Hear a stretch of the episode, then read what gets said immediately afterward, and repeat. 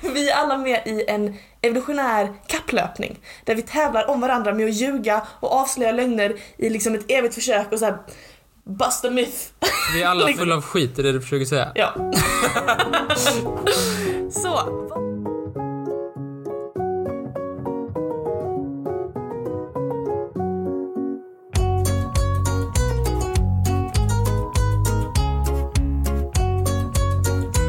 Hej och välkomna till Trivialist, podcasten med dig Molly och... Dig Martin. så himla Så, proffsigt. det är så ett proffs gör. Ja. Du kan ju lära dig det nästa gång när du hälsar välkommen som, van, som vanligt. Men eh, jag, jag, jag jobbar ju med ett litet eh, funktionshinder. Jag har ju en, poddkollega som när man kommer halvvägs in i meningen säger Molly! ja, vad kul att vara här. Varsågod. Eller ja, välkommen. Ja, hur, hur mår du, min vän? Ja, eh, nacken, för er som antecknar. Nacken? Jag Nacken? kan gå så här långt. De ser inte dig. Ja, men jag kan...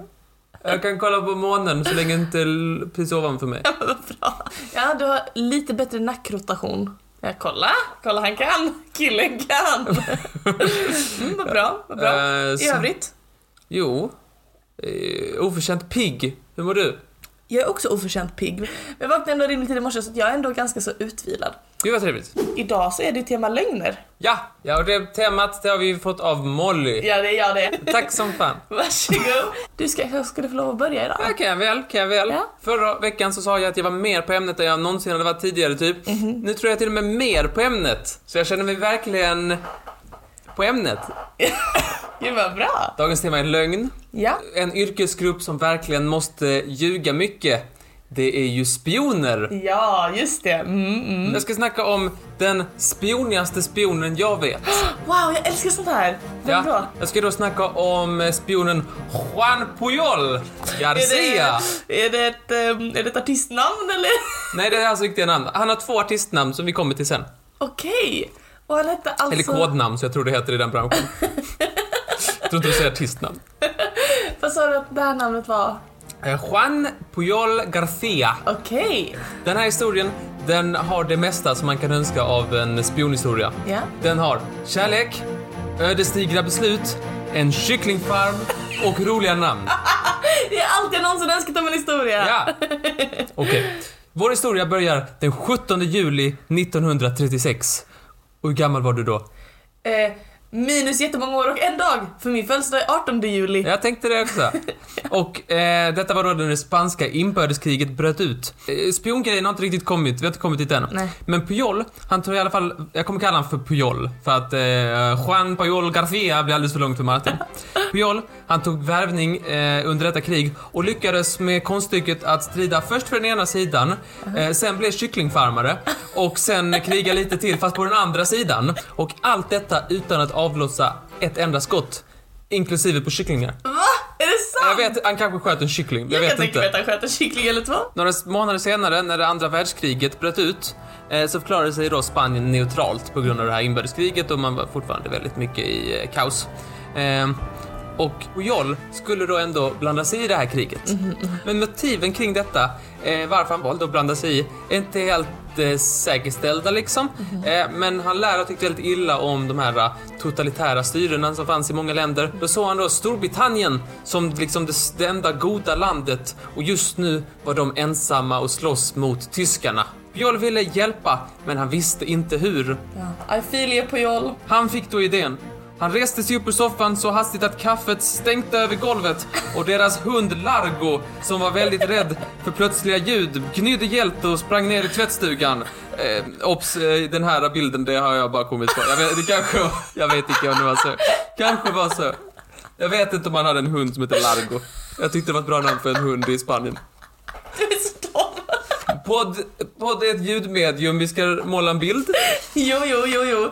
Men du kan ju inte bara hitta på saker om folks liv. Kan jag väl? Ja, hur kunde du det tydligen? Idén var då att han skulle bli eh, spion för britternas räkning och hjälpa dem att vinna kriget. Wow. Han steg in på Brittes, britternas ambassad i Madrid och sa eh, Hola, eh, jag vill bli spion, typ. Så vet du verkligen funderar på hur du skulle reagera om jag kom in och sa så här.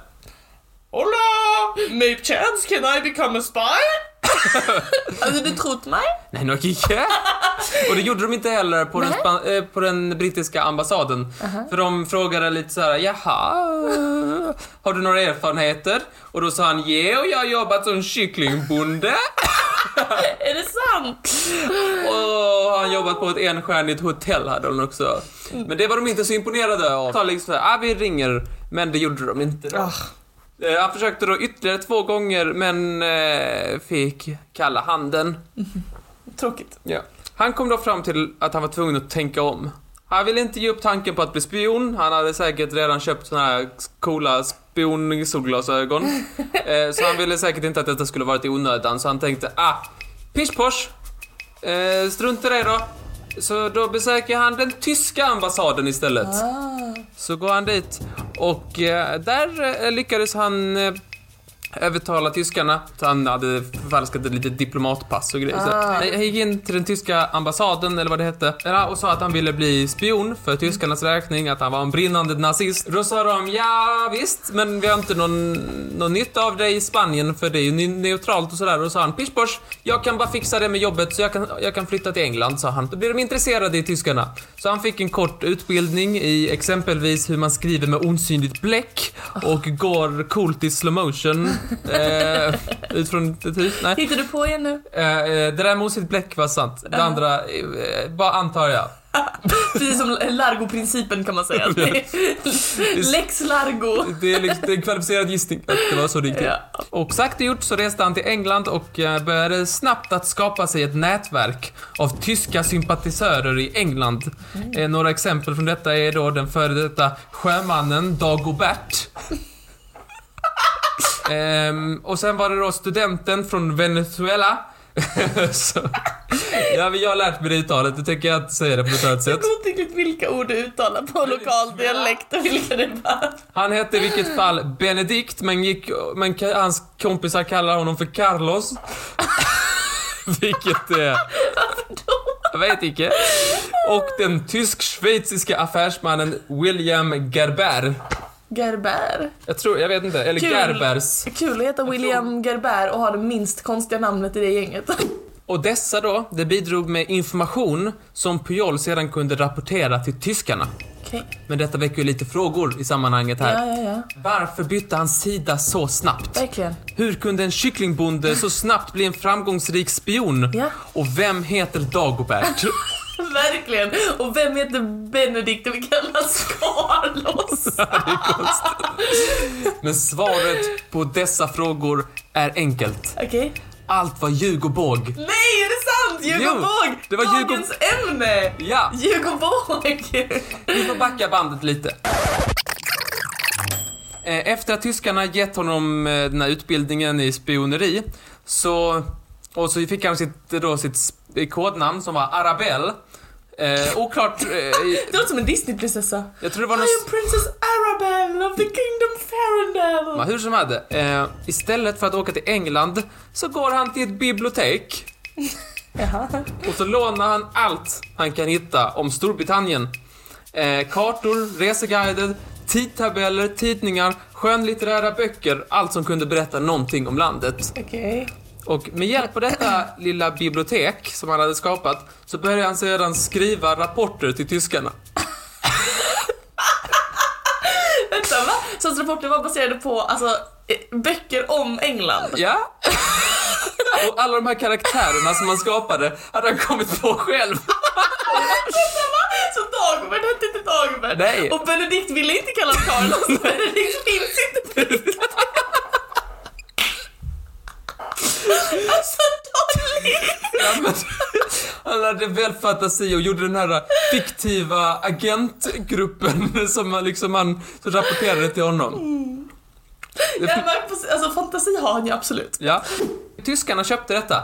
Ja. Eh, vilket man, de kanske borde ha ett varningens finger uppe när någon heter Dagobert. Borde Men tänkt det- på det. Ja, det, det är min största kritik. Min största kritik är fortfarande Benedikt, nej jag menar Carlos. Ja, men han var ju från Venezuela. Ja men vad fan. Han fick en massa pengar av tyskarna för att han skulle kunna upprätthålla det här nätverket då. Eh, och han eh, fick en krypteringsmaskin som, eh, han skulle, som skulle hjälpa honom att eh, skicka vidare de här eh, meddelandena fast mer liksom krypterade och säkra. Som jag har förstått det så tog han dessa meddelanden och så skickade han det till någon slags sin liksom så här kontaktperson som sedan skickade detta till högsta höns, så att säga, I... i Tyskland. Okej, mm, mm, mm. Här blir det lite mer intressant. För att den här krypteringen som man använde, den hade britterna vid det här laget knäckt. Okej. Eh, och de kunde se liksom alla meddelanden som skickades ut. Och ehm, de fattade då att tyskarna de hade en spion. Men de blev förbryllade när de insåg att in- all information var ju käpprätt åt kallt hult. Ta med den här Dagobert han snackar om. Men allting var ju bara ljug och båg så de Ja. bara satt där och bara Vad fan, vad fan, vad, vad snackar han om? För han, några felaktigheter som han fick hjälp av var till exempel så här, militära enheter som han beskrev som inte existerar och eh, olika trupper som förflyttades som absolut inte gjorde det och att han hade noll och ingen aning om hur den brittiska valutan fungerade med så här shilling och pence och pund och så här. Och de här jag tänkte, vad ska vi göra med den här, eh, det här smacket som skickar de här dumma rapporterna? Ska vi, vad ska vi göra åt Ja. dem? Då klev han in igen på den brittiska ambassaden och sa Hallå, hallå! Jag är tysk spion, vill ni hjälpa, vill ni rekrytera mig? Aha. Och då sa de, vad fan, vad fan? Och då sa han, jo det är sant, jag har en krypteringsmaskin och så visade han upp sin lilla maskin. Aha, aha. Och då, eh, så då blev det en annan ton i tutan så att säga. Då blev han poppis. Då rekryterades han då och fi- fick sitt andra kodnamn, nämligen Garbo, av britterna. Efter då den allra bästa skådespelaren Greta Garbo. Ja, just det, just det. Den allra bästa. Så då började han istället jobba för britterna. Okej, mycket bättre kan man tycka. Det var ju det, var ju det han ville från början. Ja. Eh, och han fick dessutom åka till London, det riktiga London. Och han bara, vad falskt? Betal, betal ni, jag sa killing, jag trodde ni sa killing. Så då fortsatte han att skicka brev till Tyskland, fast den här gången från London. Ja. Och nu blir det lite mer substans i breven. Ibland skickades helt oviktig information som han hade fått av britterna. Och ibland skickades jätteviktig information. Men den, de, här, de här breven sågs alltid till att anlända några dagar för sent. Ah, smart. Så de aldrig var riktigt viktiga. Men det. det. ökade förtroendet liksom. Och de här, de här fiktiva agenterna, de fortsatte att leva sina liv sådär. Ja, men han, han, han måste ha fått lite feeling på detta för det blir, det blir värsta Game of Thrones-universumet där. Folk blir sjuka, folk dog och sen blev det någons änka och grejer. Det var, jag har inte riktigt satt mig in i den historien men det är... Han är en författarsjäl. Ja, det är en författare själv. Det finns ett litet träd på Wikipedia för er som undrar om eh, ser ut. Han fortsatte då med detta och Pujol skulle få en avgörande roll i kriget. För eh, dagen D, känner du till? Ja. Det är då landstigningen i norra Frankrike. Eh, tyskarna visste då att de allierade planerade att landstiga i norra Frankrike, men de visste inte var och därför kontaktade de deras bästa spion, Pujol. Pujol han försäkrade tyskarna mer eller mindre direkt att detta skulle ske vid eh, Pas de Calais. Hade Calais. Ja, fast det står ju Pas de Calais här på mina papper. Okej. Dessutom så sa han att den ökända amerikanska FUSAG-dimensionen skulle ingå i den här styrkan. Eh, FUSAG, det stod för First US Army Group och det var något som Pujol bara hittade på. han bara, ja, den är jättestor sa han, det är 150 000 man, sa han. Så han bara ljög. Han Jag bara ljög. Han bara hittade på. Lex Largo. Eh, och tyskarna, de var övertygade om att landstigningen skulle ske där Pujol sa, men det blev då grundlurade av eh, att det istället gick i Normandie. Och de stod beredda, även, även efter att man hade landstigit i Normandie, så stod man ändå bara ja men det är bara en skenmanöver, vi står här, i, här borta i Pas de Canals och så står vi här och väntar. Eh, och så kom ingen. Nej. nej. Inte ens Fussag. Nej, inte ens Fussag, de fanns ju inte. Så, så han, eh, på detta sätt så fick då Pujol en avsevärd betydelse i utfallet av andra världskriget. Eh, men exakt hur stor, det får vi nog aldrig veta. Nej, just det. För att, vad fan, vi kan ju inte veta om de, det är inte säkert, de hade kanske, de hade säkert vunnit ändå. Men eh, vad fan, vad fan. Men ändå en jätteviktig bit ju i, i liksom att det gick som det gick. Något som har framkommit på senare tid, eh, när man öppnat arkiv och sånt, är att hans fru som följde med till London, ha, hon var nära att paja alltihopa. Nej. Jo, för hon vantrivdes nämligen i England och eh, blev så frustrerad av detta livet att hon eh, av bland annat om maten och vädret, eh, att hon hotade med att berätta allt för den spanska ambassaden. Vilket i förlängningen då hade röjt Pujols eh, dubbelagentskap. Ja, varför, men bara för att hon inte gillar det? Ja, hon ville så gärna tillbaka till Spanien, men det fick hon inte Hon vill av... tillbaka eh, till sina kylingar. tror jag, jag tror det var till hennes mor. Ja, troligare. Då tänkte man så här, ja, nej, så kass. Eh, men då kom Pujol på en plan som är lika briljant som taskig. Han iscensatte eh, att han skulle ha blivit fånge hos de brittiska myndigheterna eh, på grund av just hennes hot. Så hon fördes till hon fördes till honom där han satt liksom fastlås och orakad och så här. Att på grund av henne så hade detta hänt honom.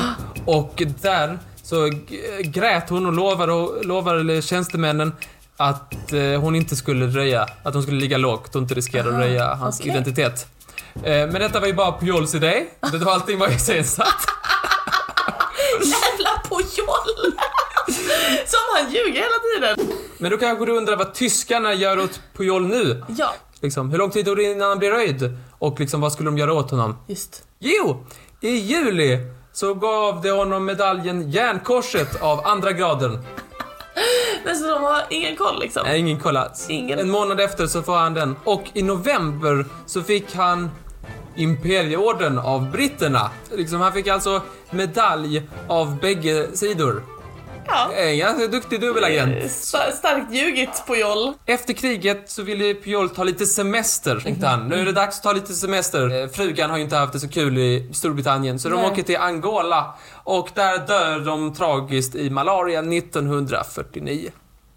Men det gjorde de inte, för det var också iscensatt. Jävla Pujol! Ja, Pujol. Han får mig gång på gång alltså. Eh, han hade då fått hjälp av de brittiska myndigheterna att iscensätta sin död. Eftersom det var en och annan eh, Ah. hämndlysten nazist efter Ja, honom. men det vill man inte ha. Nej, det vill Just man inte ha. nazister är tråkigt att ha efter sig. Yes. Hämndlystna sådana, inte kul. Så därför så arrangerade de detta. Och han reste till Venezuela, eh, skilde sig från hustrun. Eller de skilde sig, jag vet inte vem som kastade första stenen. så dåligt! Kul om det är på Joll och hon har så hängt med honom runt hela jorden och han har typ gett henne PTSD med så här iscensatta grejer för att han skulle bli misshandlad iväglåst och sen så när de är klara han bara vet du vad? Jag känner bara att vi har glidit ifrån varandra. Jag vet faktiskt inte vem som tog initiativ. Nej, nej, Eh, nej. Hoppas det var hon. Men de reste i alla fall till Venezuela och där öppnade han en bokhandel. Eh, 1988 eh, så dog han i alla fall. Eller gjorde han? Dun, dun, dun, Ja, det gjorde han nog för han var väl så gammal. Tack för att prata. Varsågodis. Varsågodis ska jag säga. Är du lite hungrig? Sutten på lite godis. Lite smågodis ska du såklart ha. Ehm, jag tänkte jag skulle ge dig ett litet smågodis. Aha, Och idag så är det ju tema lögner. just det. Och eh, då tänkte jag ta det här tillfället i akt och lära dig ett och annat om de som, eh, de som håller på med lögner, nämligen lögnare. Jaha. Så att eh, sätt på dig det subkortikala säkerhetsbältet Martin. det är dags för Lillhjärnan! I dagens Lillhjärna. Varför ljuger vi? Vad gör oss till bra eller dåliga lögnare? Vad skiljer patologiska lögnare från oss andra? Och hur kan du bli expert på att se om någon ljuger för dig? Att ljuga, det är faktiskt eh, någonting som eh, är evolutionärt gångbart. Rent evolutionärt så är lögner ganska så enkelt förklarade. När vi började utveckla kommunikation med varandra så visade det sig att eh, den som var bra på att ljuga, den fick också ofta liksom fördelar av det. Om du och jag till exempel står här och så säger jag, och vi är stenålderspersoner, så säger jag Ugg, Martin, jag har en eh, papaya bakom ryggen. Och så säger du Ugg, Molly, jag byter din papaya mot eh, två eh, bananer kanske. Jaha. Eh, och så gör vi det bytet. Jättebra. Vi går skilda vägar, allt är fint. Men så kanske jag kommer på, aha, jag kan ljuga. Och nästa gång vi träffas säger jag, oh Martin, jag har två papayor bakom ryggen. Och då säger du, oh Molly, du får fyra bananer för dina två papayor. Och så tar jag dina bananer och sen bara kastar jag en papaya på dig och springer iväg. Då har jag vunnit, då har jag fått mer mat och kan liksom ha större chans att föra mina gener vidare. Människor som var bra på att ljuga, de fick alltså fördelar i de tidiga samhällena för de kunde helt enkelt lura till sig saker. Och inte bara kunde de lura till sig saker utan de kunde fortsätta att ljuga för att upprätthålla en god social ställning. Till exempel, jag har kastat min papaya på dig och sprungit iväg med fyra bananer, då kommer du rännandes efter mig. Och istället för att bara säga som det är, ah ugg Martin, jag ljög. Så om jag fortsätter ljuga och säger, ugg Martin, det var två papayor, en måste ha studsat iväg. Så kanske du tänker, åh oh, Molly hon är en, hon är en ärlig tjej. Jag kan lita på henne fortfarande. Ja, och så fortsätter cykeln. Varför skulle hon ljuga? Hon slängde precis en papaya i facet på mig. Och vill mig uppenbarligen väl. Ugg, ugg, säger jag. Ugg, ugg. Men så att eh, folk som eh, kunde fortsätta ljuga, de fick liksom både sociala och överlevnadsmässiga fördelar. Men det finns två sidor till det här myntet. Jaha. För att parallellt med de duktiga lögnarna så evolutionerades nämligen också de duktiga lögnspanarna fram. Alltså det visade sig att även de... Mythbusters. Ja precis! Det visade sig att även de som var bra på att märka när de höll på att luras hade större chans att få överleva och föra sina gener vidare som de som höll på att luras. Till exempel om Martin grottmänniskan samtidigt hade hade evolutionerats fram till att kunna eh, se när någon ljuger. Så du kunnat säga nej stopp och belägg. Det, ugg ugg, det var bara en papaya och Molly är en lögnare och kasta ut mig i samhället och så hade du varit herren på täppan. Vi alla, du, jag och eh, den som lyssnar på oss just nu, vi är alla med i en evolutionär kapplöpning där vi tävlar om varandra med att ljuga och avslöja lögner i liksom ett evigt försök och så här bust a myth. liksom. Men är man liksom antingen eller? Är man antingen ljugare eller ljugarbastare? Nej, utan det är två stycken egenskaper som finns i oss alla och de här egenskaperna de liksom försöker, man försöker bli bättre och bättre och bättre. Så vi är alla fulla av skit, är det du försöker säga? Ja. Så, vad avgör egentligen om du blir en god lögnare? Vad tror du Martin? Om folk ljög mycket för oss när vi var barn. Ja, kanske. Eh, övning är ju färdighet Ja. och eh, man lär sig ju av sina föräldrar. Men! Jag höjer mitt psykologinördiga finger Jaha. för att säga till dig att forskare menar att det faktiskt finns fysiska skillnader i hjärnan mellan liksom vanliga människor och de så kallade patologiska lögnarna. Patologiska lögnare, eller som jag kommer kalla dem, mytomaner. Det är också ett eh, ord som man kan använda. Eller som jag hittade i min forskning, eh, personer som lider av Pinocchio-syndrom. Ehm, de är alltså människor som helt enkelt inte kan sluta ljuga. De bara ljuger och ljuger och ljuger på ett sätt som är helt alltså, kompulsivt. De kan liksom inte lägga av. En patologisk lögnare, eller en mytoman då, sägs ha en eh, fantastisk förmåga att kunna ljuga för sig själv. Och enligt forskare så beror det här på att man har en väldigt hög förmåga till, och här kommer då psykologiglosan för dagens lillhjärna, kompartmentalisering. Kompartmentalisering. Yes, precis Martin. Eh, och kompartmentalisering Betyder lura sig själv. Ungefär. Ah. Ehm, det finns liksom, det är en så kallad copingmekanism som jag tror att de allra flesta har använt sig av någon gång. Det är förmågan att eh, dela in information man har i hjärnan i olika fack och antingen stänga eller öppna de facken och vara medveten eller omedveten om vissa sanningar.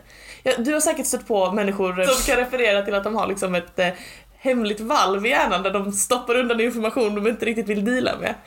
Man- Som att sopa under mattan. Ja men precis, man kanske har en kista i hjärnan som bara den ska jag inte in och kika i. Jag har inte det så ordnat i min hjärna. Nej. Jag kan inte komma på att jag har kistor eller valv eller Nej, sånt. nej, nej. Eh, mytomaner, folk som eh, ljuger helt kompulsivt, de är alltså superduktiga på att hålla flera olika eh, sorters information i huvudet samtidigt. Mm. Så att eh, jag, om vi tar vårt eh, stenåldersexempel så kanske jag då eh, säger till dig att eh, jo men Martin det var två papayor.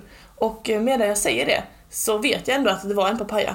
Men eftersom att jag är så bra på att kompartmentalisera sanningen från lögnen så kan många mytomaner till och med övertyga sig själva om att det de säger är sant. Ha. Så praktiskt. Verkligen praktiskt. Det gör det ju lättare att ljuga så att säga. Den här förmågan, den går faktiskt också att se i hjärnan rent fysiskt. Och idag så ska vi bli lite biologiska i lillhjärnan. Eh, vi ska dyka rätt ner eh, under hjärnbarken och in i hjärnan. Det var därför jag bara dig satte på ditt subkortikala säkerhetsbälte innan Martin. Ja. In i märgen. In i märgen! så nu är vi inuti hjärnan eh, hos en vanlig människa. Och här inne så ser vi två sorters substanser. Vi har nämligen grå vävnad och vit vävnad i vår hjärna. Eh, och den grå vävnaden, det är den som liksom processar information, alltså det är där allt tänkande sker. Aha. Medan den vita vävnaden, den är mer att den liksom skickar signaler så snabbt som möjligt mellan de olika delarna av hjärnan och ser till så att allting liksom händer. Kommer du ihåg prefrontala cortex Martin? Ja, det är den som är där vid pannan. Ja men vad gör han? Logiskt tänkande. Just det. Kognitiva just förmågor. Det, just det, exekutiva förmågor och logiskt tänkande. Och eh, så forskning visar att mytomaner och folk som har väldigt lätt för att ljuga mycket, de har 25% mer vit vävnad i prefrontala cortex. Är inte det sjukt? Som tar plats av det andra eller bara plus? Det, vi kommer till det. Ehm, det här indikerar alltså att eh, mytomaner har en oerhörd förmåga att hålla en massa olika information i hjärnan samtidigt och att göra de här kopplingarna jättesnabbt. Eh, om du skulle fråga mig om en lögn och så skulle jag förmodligen efter ett tag bli förvirrad och glömma hur många saker. Åh, vad var det jag sa? Jag hade varit där och det var den tiden och jag var där med den och vad, vad hette han? Men en, en mytoman eller en person som ljuger mm, kompulsivt, de kommer liksom bara och Ja, så här var det, så här var det. För att deras vita vävnad gör att de kan tänka så himla snabbt. Så man kan inte vara mytoman och samtidigt ganska kass på att ljuga? För att det hade varit konstigt, jag måste ljuga, jag måste ljuga. Men så är det bara, har rosa elefant. Jo men det absolut, så är det. Alltså det, det kommer dit också. Det kan man absolut vara Martin. Ehm, men det, det här handlar alltså inte så mycket om att man säger bra lögner utan mer att man snabbt kan eh, koppla informationen. Det är det som gör att man blir... Aha. Men då tänker du, fuck, det är kört. De här patologiska lögnerna, de är ju supermänniskor. Ja. Ska vi kunna outsmarta dem? Vi, de är all around oss liksom. Men oroa dig inte. Patologiska lögnare, eller mytomaner, må ha väldigt mycket vit vävnad. Men de har 14% mindre grå vävnad än du och jag. Men den var ju inte till någonting värd. Grå vävnad, Ja. kritiskt tänkande. Ja. Det är den grå vävnaden som vi har förmågan till alltså kritiskt tänkande. Och en patologisk lögnare kan alltså därför ofta inte avgöra när lögnen blir otrovärdig. Precis som du säger. Aha. En patologisk lögnare kan till exempel säga “Jag har en rosa elefant” ut, och, och fortsätta på den lögnen utan att kanske ägna det så mycket tid till att tänka “Är det här kritiskt rimligt?” Mm. Efter ett tag, om man bara låter dem fortsätta prata, så kommer de komma till en punkt när det börjar bli otrovärdigt. Men det är sällan som en, en mytoman själv förstår att det, att det är det. Så oroa dig inte Martin, trots att mytomaner finns överallt omkring dig i detta nu, så kommer vi inte att ta över världen. Eller kommer vi? Vi, alltså vi. Skojar va? Skojar med det, jag är ingen mytoman. Eh, och det ska jag bevisa. Eh, jag tänkte nämligen att jag skulle avsluta den här lilla, eh, det här lilla smågodiset med att ge dig lite husmorsknep om hur du kan avslöja en sån här lögnare. Det jag säger nu gäller inte för alla, men det är mer typ lite allmänt vad forskare kunnat hitta att, att folk ofta gör när de ljuger. Tre enkla grejer. Ehm, för det första, en sak som jag eh, inte kände till sedan innan, men som är ganska intressant, det är att eh, om du pratar med någon och märker att deras språk plö- plötsligt blir väldigt formellt, så eh, är chansen stor att de faktiskt ljuger. För de vill vara extra trovärdiga. Ja men det är typ som att de eh, klär upp lögnen i en fin kostym liksom. Ja. Att de är såhär, åh, jo, nej, nej jag tror faktiskt inte det. Ett klassiskt exempel. Jaha. I did not have a sexual relationship with Monica Lewinsky. Nej, vet du vad? Jag är så himla glad att du eh, felciterar det där. Citatet är I did not have sex with that woman. Och Ja. den distanseringen, istället för att säga Monica Lewinsky eller her, så genom att säga that woman så distanserade han sig från eh, kvinnan i fråga. Och det är också ett typiskt exempel på en lögnare. Jaha. Ett sista klassiskt tecken som jag tycker är riktigt spännande. Man tror inte att det här är sant, men, men tänk på det nästa gång du stöter på någon som du tror ljuger. För the verbal non-verbal disconnect. Vilket är alltså när, eh, när du säger en sak, men din kropp indikerar att du menar någonting annat. Så om du, om du ljuger... Det är så typiskt när man säger ja och så bara skakar man på huvudet. exakt, ja, nej. Och det här är faktiskt någonting som lögnare ofta gör, att de nickar och säger nej eller skakar på huvudet och säger ja. För att deras eh, prefrontala cortex har då sagt till eh, talcentret och munnen har typ såhär, nu ska vi ljuga, nu ska vi säga det här. Men kroppen vet fortfarande sanningen. Det har blivit ett glapp i kompartmentaliseringen och därför så liksom hänger kroppen inte med och bara så beter sig som att man säger någonting helt annat liksom. Sjukt va? Ja. Ja! Nu har du fått all ammunition som du behöver Martin för att se vem som ljuger runt omkring dig. Och kom ihåg nu när du vet att detta, att med stora krafter så följer ett stort ansvar. så att du får hantera den här informationen med respekt. Ta tanten på Ica har inte en chans. Ska hon sättas fast? ja, varsågod. Tack så mycket, tack snälla. Varsågod.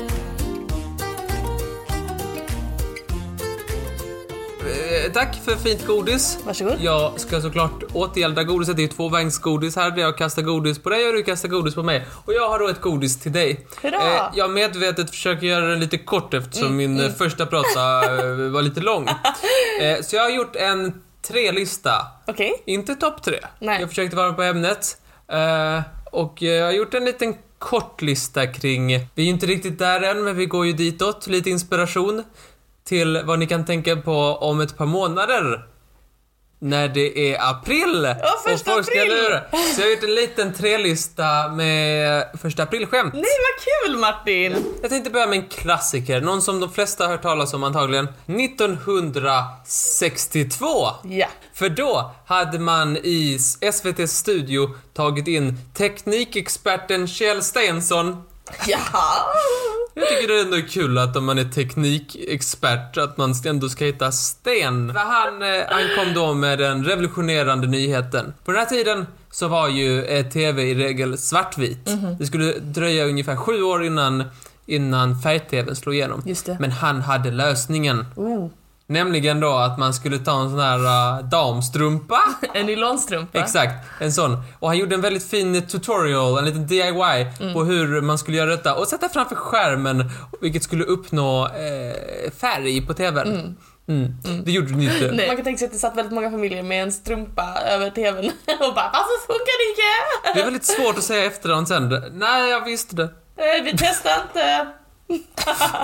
ja, det är en klassiker av en anledning Ja, en klassiker av en anledning. Vi rör oss snabbt vidare till Britannia. Britannia. De är också public service som lurar dem. Jävla typer. Här betalar vi pengar. Dumförklarad. Eh, för 1957 så visar BBC ett reportage med, från Schweiz Okej. om hur, hur det varma klimatet under vintern hade påverkat eh, schweiziska bönder. Och inte vilka schweiziska bönder som helst, Nej. utan det som på gammalt vis eh, odlade spaghetti. Va? Ja, så visar kan de ett, ett reportage från, eh, från detta då. Och eh, i träden så hängde det spaghetti. Finns fortfarande, ni kan googla på detta. Så här spaghetti-träd. Mhm. Folk blev så... De blev så konfunderade, folk som satt och tittade. Nej, tänkte de. Det stämmer verkligen det. Men det är ju BBC, det måste väl stämma. Spaghetti, spagotti tänkte de. De sa, nej, det här är faktiskt inte trovärdigt. Nej, jag tror inte på det här. Spagettiodlarna, de bor ju i Italien. Sant. Och tredje på min lista. Den 1 april 1996. Då gjorde ett amerikanskt företag folk jävligt sura. Jaha. Eh, känner ni till Taco Bell? Ja. Den amerikanska snabbmatskedjan. Eh, de hade då, de annonserade då i tidningen att de hade köpt eh, den amerikanska Liberty Bell. Jaha, va? De hade köpt denna och hade för avsikt att döpa den till Taco Liberty Bell. Fy fan vad bra. Folk blev så sura, så sura, så sura. Och folk ringde och ringde till, jag tror det är Philadelphia National Park Mm. eller något sånt där som har dem. Och, och klagade, hur kunde man göra ett sånt Nej, här beslut? Och några timmar senare fick Taco Bell gå ut och bekräfta det. Så här var det faktiskt inte. Nej, Fy fan vad kul, gud vad dumt. Vilka dumjökar. håller de Ja, det säger du nu om dem. Vänta första april. Kommer du pranka mig första april? Jag vet inte, nu känns det lite dumt eftersom jag sa det.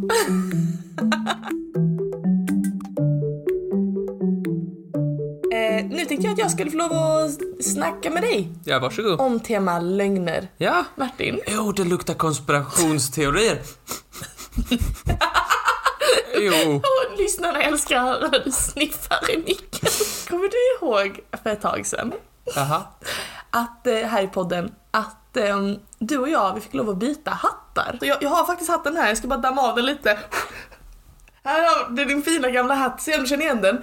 Det är ju kryptozoologahatten. Eh, Jag hatar ju den hatten. Varsågod! Jag ska sätta på min också så här. För idag så ska vi nämligen återigen djupdyka i kryptozoologi och innan jag förtydligar så tänker jag bara att vi ska påminna oss själva lite Martin. Vad är kryptozoologi nu igen? Jo, det är djurens, eller det är varelser som eh, zoologin inte erkänner. Precis Martin! Jag ska läsa här den officiella ehm, distinktionen då.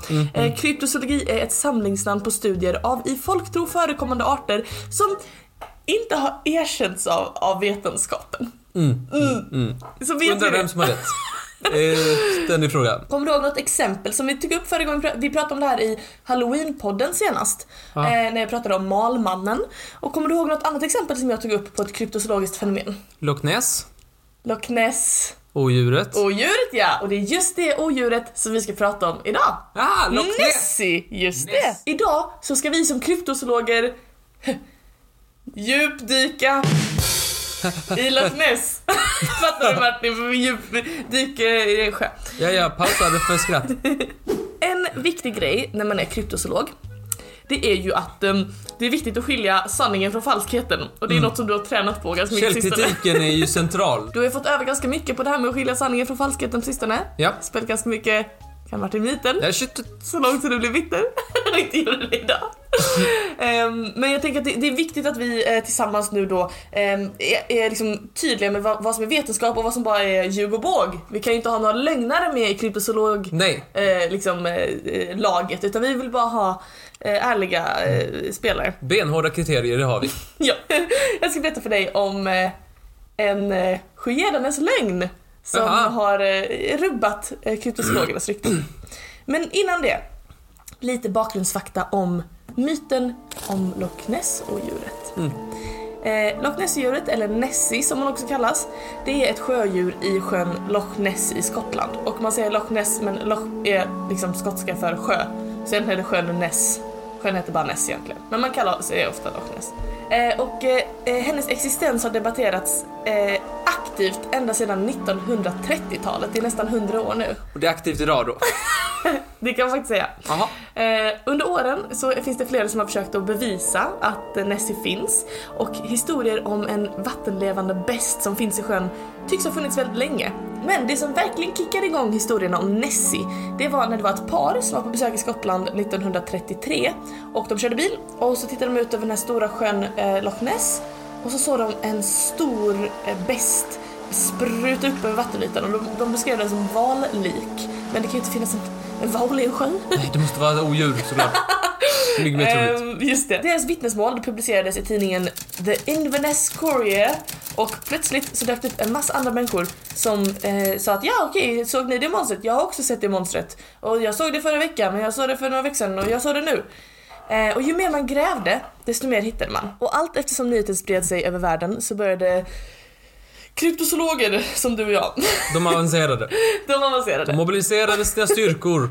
Vi började rota ännu längre tillbaka i tiden. Det tidigaste exemplet som man har kunnat hitta på sägner om vatten och djur där i närheten av Loch Ness, det kommer faktiskt hela vägen tillbaka från 500-talet. Det är en man som hette Adomnan, Abnon, abon, abonnemang. abonnemang ja. Adomnan hette han, och han har skrivit boken The Life of Saint Columba. Colomba. Ja, Sankt Columba. Han är helgon över ehm, översvämningar, eh, bokbindare och poeter. Skrev han en poetisk bok om översvämningar, om Noas ark. Nej, då kick. Här, Men han hade lite med vatten att göra. Jaha. För att enligt eh, Adomnan då så ska Sankt Columba ha stött på ett eh, vattenmonster i floden Ness som alltså rinner i koppling med Loch Ness, alltså sjön. Eh, och han ska där ha räddat livet på en man genom att så här, säga till monstret så här: Bort med dig monster, ja... The power of Christ compels you, typ så. Matade honom med köttbullar som i Bamse. Mm, just. Det finns också eh, väldigt gamla neolitiska så här, runor, djur och eh, fåglar och människor Mm. som finns i stenar runt omkring Loch Ness. Här har ju då kryptozoologerna haft en liten fest. En, Jaså? liten, en liten slutledningsfest kan man säga. För att eh, de här, de här neolitiska runorna då, de eh, bekräftar enligt, enligt vissa kryptozoologer Mm. att det ska finnas någon slags vattenorm i närheten av sjön. Eh, och eh, då, då, då använder de då en bild, jag ska visa dig bilden, jag Okej. kommer lägga upp det på Instagram sen också så man kan titta på vad de då kallar för bevis för detta då. Det ju... Det skulle ju kunna vara, det är ju nästan identiskt till något som skulle kunna vara en orm eller någonting som ser ut som en orm. Ja, det skulle tekniskt sett kunna vara en orm ja, skulle kunna vara en mask. men kryptozoologer Kryptozoologer de hävdar att det här måste vara Nessie och den här eh, runan hittades då bredvid en massa andra eh, liksom, eh, runor som visar typ så här eh, hjort och fåglar och fisk och människor och så den här, det här oidentifierbara djuret då som, som måste vara Nessie helt enkelt. Just det, just det, det kan ju inte vara något annat. Nej, omöjligen. I moderna tider så har det lagts ner hutlösa summor pengar och nu tror jag du måste ha det i hatten för annars kommer du explodera av Jaha, undertryckta känslor. I moderna tider så har det lagts ner alltså bisarra mängder pengar, resurser och tid på att undersöka om, om sjön har någon förhistorisk invånare. Men är den... Alltså, det finns liksom forskarlag från hela världen och det är liksom, vi snackar alltså mil miljontals kronor som har spenderats på typ DNA-testa sjön för att se om de kan hitta något DNA som man inte känner igen. Men har du gett någonting? Nej. Nej, så bra då. Perfekt! Men det blir så Strålande. arg. Men okej, jag vet. Det är dumt. Men, och det, är folk, det finns människor. Jag såg en intervju med en världens gulligaste gubbe på YouTube som har lagt ner 40 år av sitt liv på att studera sjön och se om det kan finnas någonting där och ännu inte hittat någonting. Men hur går det runt då? Nej, det gör ju inte det. jo, det finns ju, alltså grejen är att turismen som Loch Ness bidrar med, den, den liksom, det blir ju väldigt mycket pengar in till området för att folk vill gå på Loch Ness museum och folk vill åka dit och se om man kan hitta Nessie liksom. Men ehm, ja, det har lagts ner väldigt mycket resurser helt enkelt på, på odjuret. Jag vet att det gör dig arg, men för att kväva den känslan så föreslår jag att du sätter på dig hatten igen. Ja, jag ser här. Den som är mest känd för att ha kapitaliserat på en Nessie-lögn, det får nog vara den gode doktorn som jag ska berätta för dig om. Kallades han så? Eh, han kallades för The Surgeon, men jag gillar att kalla honom den gode doktorn. Det här som jag kommer berätta för dig om nu, det är alltså en lögn som är sprungen ur surhet som ända tills idag är anledningen till att så himla många fortfarande tror på Nessie och att den här stora turismattraktionen, vetenskapsresurserna och människorna har lagt ner så himla himla mycket tid och kraft på den här myten. Nu kommer alltså lögnen som är anledningen till att den här myten eh, fortfarande står på sina två eller fyra ben. Året är 1933. Mm. Mm. Är du där? Ja. Spanska inbördeskriget och eh, Pujol om tre år. Just det, just det. Året är alltså 1933 Mm. och tidningen The Daily Mail, som fortfarande finns idag, de skickade ut storjägaren Marmaduke Wetherell. Vilken douche! Verkligen, Marmaduke. Marmaduke Wetherell, han var liksom en storviltsjägare som jagade typ lejon och tigrar och elefanter och grejer. Och de tänkte, ja, honom anställer vi, vi skickar honom till Loch Ness och så ska han undersöka huruvida Nessie finns. Och eh, Marmaduke han eh, begav sig dit. Eh, det som hade hänt precis innan var att de hade fått liksom en massa rapporter då. Du vet 30-talet, det var då som Nessie Mania drog igång. Så Daily Mail hade fått en massa rapporter om att nu är Storsjö, nu, nu är odjuret verkligen i farten. Marmaduke han begav sig dit på uppdrag av tidningen och eh, jag tror att han hade ganska skeptiskt sinne. Han var liksom en eh, logisk man, en rationell person. Han var såhär, jag jagar saker som finns och inte saker som inte finns. Men när han kom fram till sjön så såg han någonting som man absolut inte hade väntat sig. Marmaduke, han eh, tog sin promenad runt sjön som ju är ganska lerig liksom i, i marken precis runt omkring och fick syn på enorma fotavtryck som inte liknade något djur han kände igen. Det, han sa att liksom så här, det, här kan, det här kan absolut inte vara eh, alltså något annat än ett djur. Och det, alltså, det finns inget djur i Storbritannien som har den här storleken liksom, på fötter. Han hittade den här stora eh, eh, då och skrek liksom Eureka! Jag måste, det här, oh, Shit, jag trodde inte det skulle vara sant. Men nu ska The Daily Mail få höra. Jag, liksom storviltsexperten, har minsann kunnat identifiera spår av ett odjur. Så han skriver till eh, tidningen med en rapport om de här enorma fotavtrycken som leder rakt ner i sjön. Och bekräftar alltså de här vittnesmålen.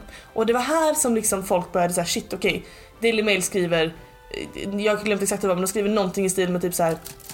Eh, historier om odjuret är inte bara gissningar utan fakta. Och sen så publicerar de en rapport med Marmadukes vittnesmål. Men till Marmadukes förtret så visade det sig att det här var en lögn. Va? ja. Eh, det var några eh, lokala rascals, rapscallions, några kids som, eh, som hade bestämt sig för att lura Marmaduke när han var där. Man gjorde en gipsavgjutning av fotavtrycken och skickade in dem till Natural History Museum som kunde bekräfta att det här var flodhästfötter. Flodhäst! Mm. Och inte bara flodhästfötter utan en flodhästfot, det var samma avtryck som hade satts en efter en. Och då kröp det liksom fram att det var några i lokalbefolkningen som hade tagit ett paraplyställ gjort av en gammal flodhästfot Nej! och bara bom, bom, bom och gjort sådana spår. Men vad... Kunde du inte bara ta vad fan som helst? Var det tvungen att vara en pensionerad fot från en flodhäst? Ja men det gjorde det väl med trovärdighet tänker jag. Det, den största frågan här är ju, vem fan har ett paraplyställ gjort av en flodhästfot? Jag tycker det är centralt också. Eh, det känns inte riktigt eh, rätt. Jag dödade en flodhäst bara för jag ville ha någonstans att ställa mina paraplyer. Nej, vad Ehm, dumt. Men, så där kom då fram att det här var ett hoax, att det var några som hade tagit sitt paraplyställ och skapat den här, de här spåren. Och vet du vad Daily Mail gör då? De bara så här vänder sig om och bara tar sin lilla dolk och bara mm, ska jag med den här? Och kolla Marmarduks rygg! Hugg! Hugg honom i ryggen! Va? Och skriver så här. Ha ha ha, jävla dumma Marmaduke. Fatta dum han är, han trodde på det. Ha ha ha, kolla dum han är, han är jättedum. Och bara skrev det i alla sina tidningar. Fast det var de som hade skickat dit honom och det var de som publicerade hans vittnesmål liksom. Ja, Jag tycker det är de som är dumma. taskigt va? Ja. Marmaduke blev jätteledsen och sur. Han drog sig undan i ilska och skam. Men snart bestämde han sig för att eh, jag ska vara min egen lyckas smed, sa han. Jag ska inte låta Daily Mail vinna den här tävlingen utan jag ska minsann ge dem, ge dem på moppo för att de eh, vågade liksom dissa mig. Han bestämde sig helt enkelt för att ljuga för lögnarna. Busan buse. Han ska busa en buse. Det är lögn på lögn på lögn i den här storyn Martin. Så Marmaduke och hans vän Christian Sperling, vet ni varför det är namnet? Är Ja, konstigt. det, vi kommer återkomma till honom. Marmaduke och vän Christian Sperling, de satte igång med en eh, plan på hämnd. De började helt enkelt bygga en modell av Nessie som de gjorde av trälera och en liten sån här eh, leksaksubåt. Det är ändå gulligt. Så ställer de sig och försökte crafta. Ja, men också med här lera och en leksaksubåt. Ja men ge han en längre nacke. Nej, ska, ska han ha svans? liksom. Ehm, de lyckades i alla fall. De pillade och knegade i verkstaden tills de hade en ganska snygg liten figur. Hur stor var den? Den var cirka 60 cm stor, lång hals och påfallande lik en plesiosaurus. Tillsammans gick de ut på Loch Ness, satte den i vattnet och tog flera bilder på det här odjuret då. Och de såg till att inte ha någon del av kusten med i bilden så att man inte skulle kunna avgöra om, om djuret var stort eller litet. Trickfotografi. Trickfotografi, precis. Eh, de här bilderna, de eh, gav de sen till sin vän Robert Kenneth. Han var kirurg och han hade ingen tydlig koppling till Marmaduke så de tänkte att han, om han kommer med de här bilderna till Daily Mail så kommer han inte bli misstänkt för att det skulle vara en, eh, ett lurendrejeri liksom. Eh, han var då med på det här skämtet och han sålde sen bilderna till The Daily Mail som publicerade dem under namnet The Surgeon's Photo. Har du hört talas om det innan Martin? Nej. Det är den här bilden och jag tror att du känner igen den när jag visar den för dig. Ah, men den känner jag igen. Ja, jag tror man känner Så det är igen bara en den. leksak. Det är, bara, det är en ubåt med lite trälera. Men den har jag ju sett, den trodde jag ändå var riktig. Nej men typ att det var någon sån här uh, shady bild som någon hade tagit och så är det någon, egentligen typ något annat. Men att Typ det, för något? jag visste inte att det var bekräftat att det är en falsk på att det var typ Nej, det. det är först nyligen som det har bekräftats. Men vi kommer dit. Marmaduke, när han gjorde detta och han såg, eh, när han liksom lämnade in bilderna till eh, läkaren då, så sa han tydligen så här: We'll give them their monster. Riktig bad guy, så en riktig filmline liksom. Man kan tänka sig att han kände sig jättecool när han sa det. Problemet var att fotografiet det blev en sån jävla sensation. Planen från början för Marmaduke det var att han skulle få Daily Mail att publicera bilderna. De skulle säga “Kolla monstret finns” och sen skulle Marmaduke kunna vara den som, som kastade pajen i ansiktet på dem och sa “Nu är det ni som är de dumma, ni gick på det, ni sa att jag var dum men det är ni som är dumma egentligen, haha” och så skulle han gå vinnande ur. Jaha. Men problemet var att fotografiet blev en sån jävla sensation. Eh, Alltså det var den här bilden som övertygade väldigt många, kanske de flesta, om att Ne- Nessie faktiskt existerar. Och den här ljugartrion, de bestämde sig helt enkelt för att vi kan ju inte avslöja det här nu. Nu har den här lögnen blivit alldeles för stor. Så liksom åren gick och folk var såhär wow, tänk den här bilden, bla bla bla. Så de bestämde sig helt enkelt för att vi ska inte avslöja den här lögnen. Vi, får, vi ska låta folk tro på magi, ge lite mer magi till världen. Det var faktiskt först på Christian Sperlings dödsbädd som han erkände detta. Varken Marmaduke eller den här doktorn, de har han aldrig erkänt det. Men Christian Sperling, när han eh, låg för sin död på 90-talet, så erkände han att okej, det var så här det gick till. Så, det här är den riktiga anledningen till att folk fortfarande tror på Nessie. En mobbig tidning, ett paraplyställ och tre riktigt envisa gamla lögnare. Ah, är du nällad på att bli kryptozoolog nu? Jo, gud, som fan, som fan. Nu får du lov att ta av dig hatten. Ja. Skitpiss-Mike.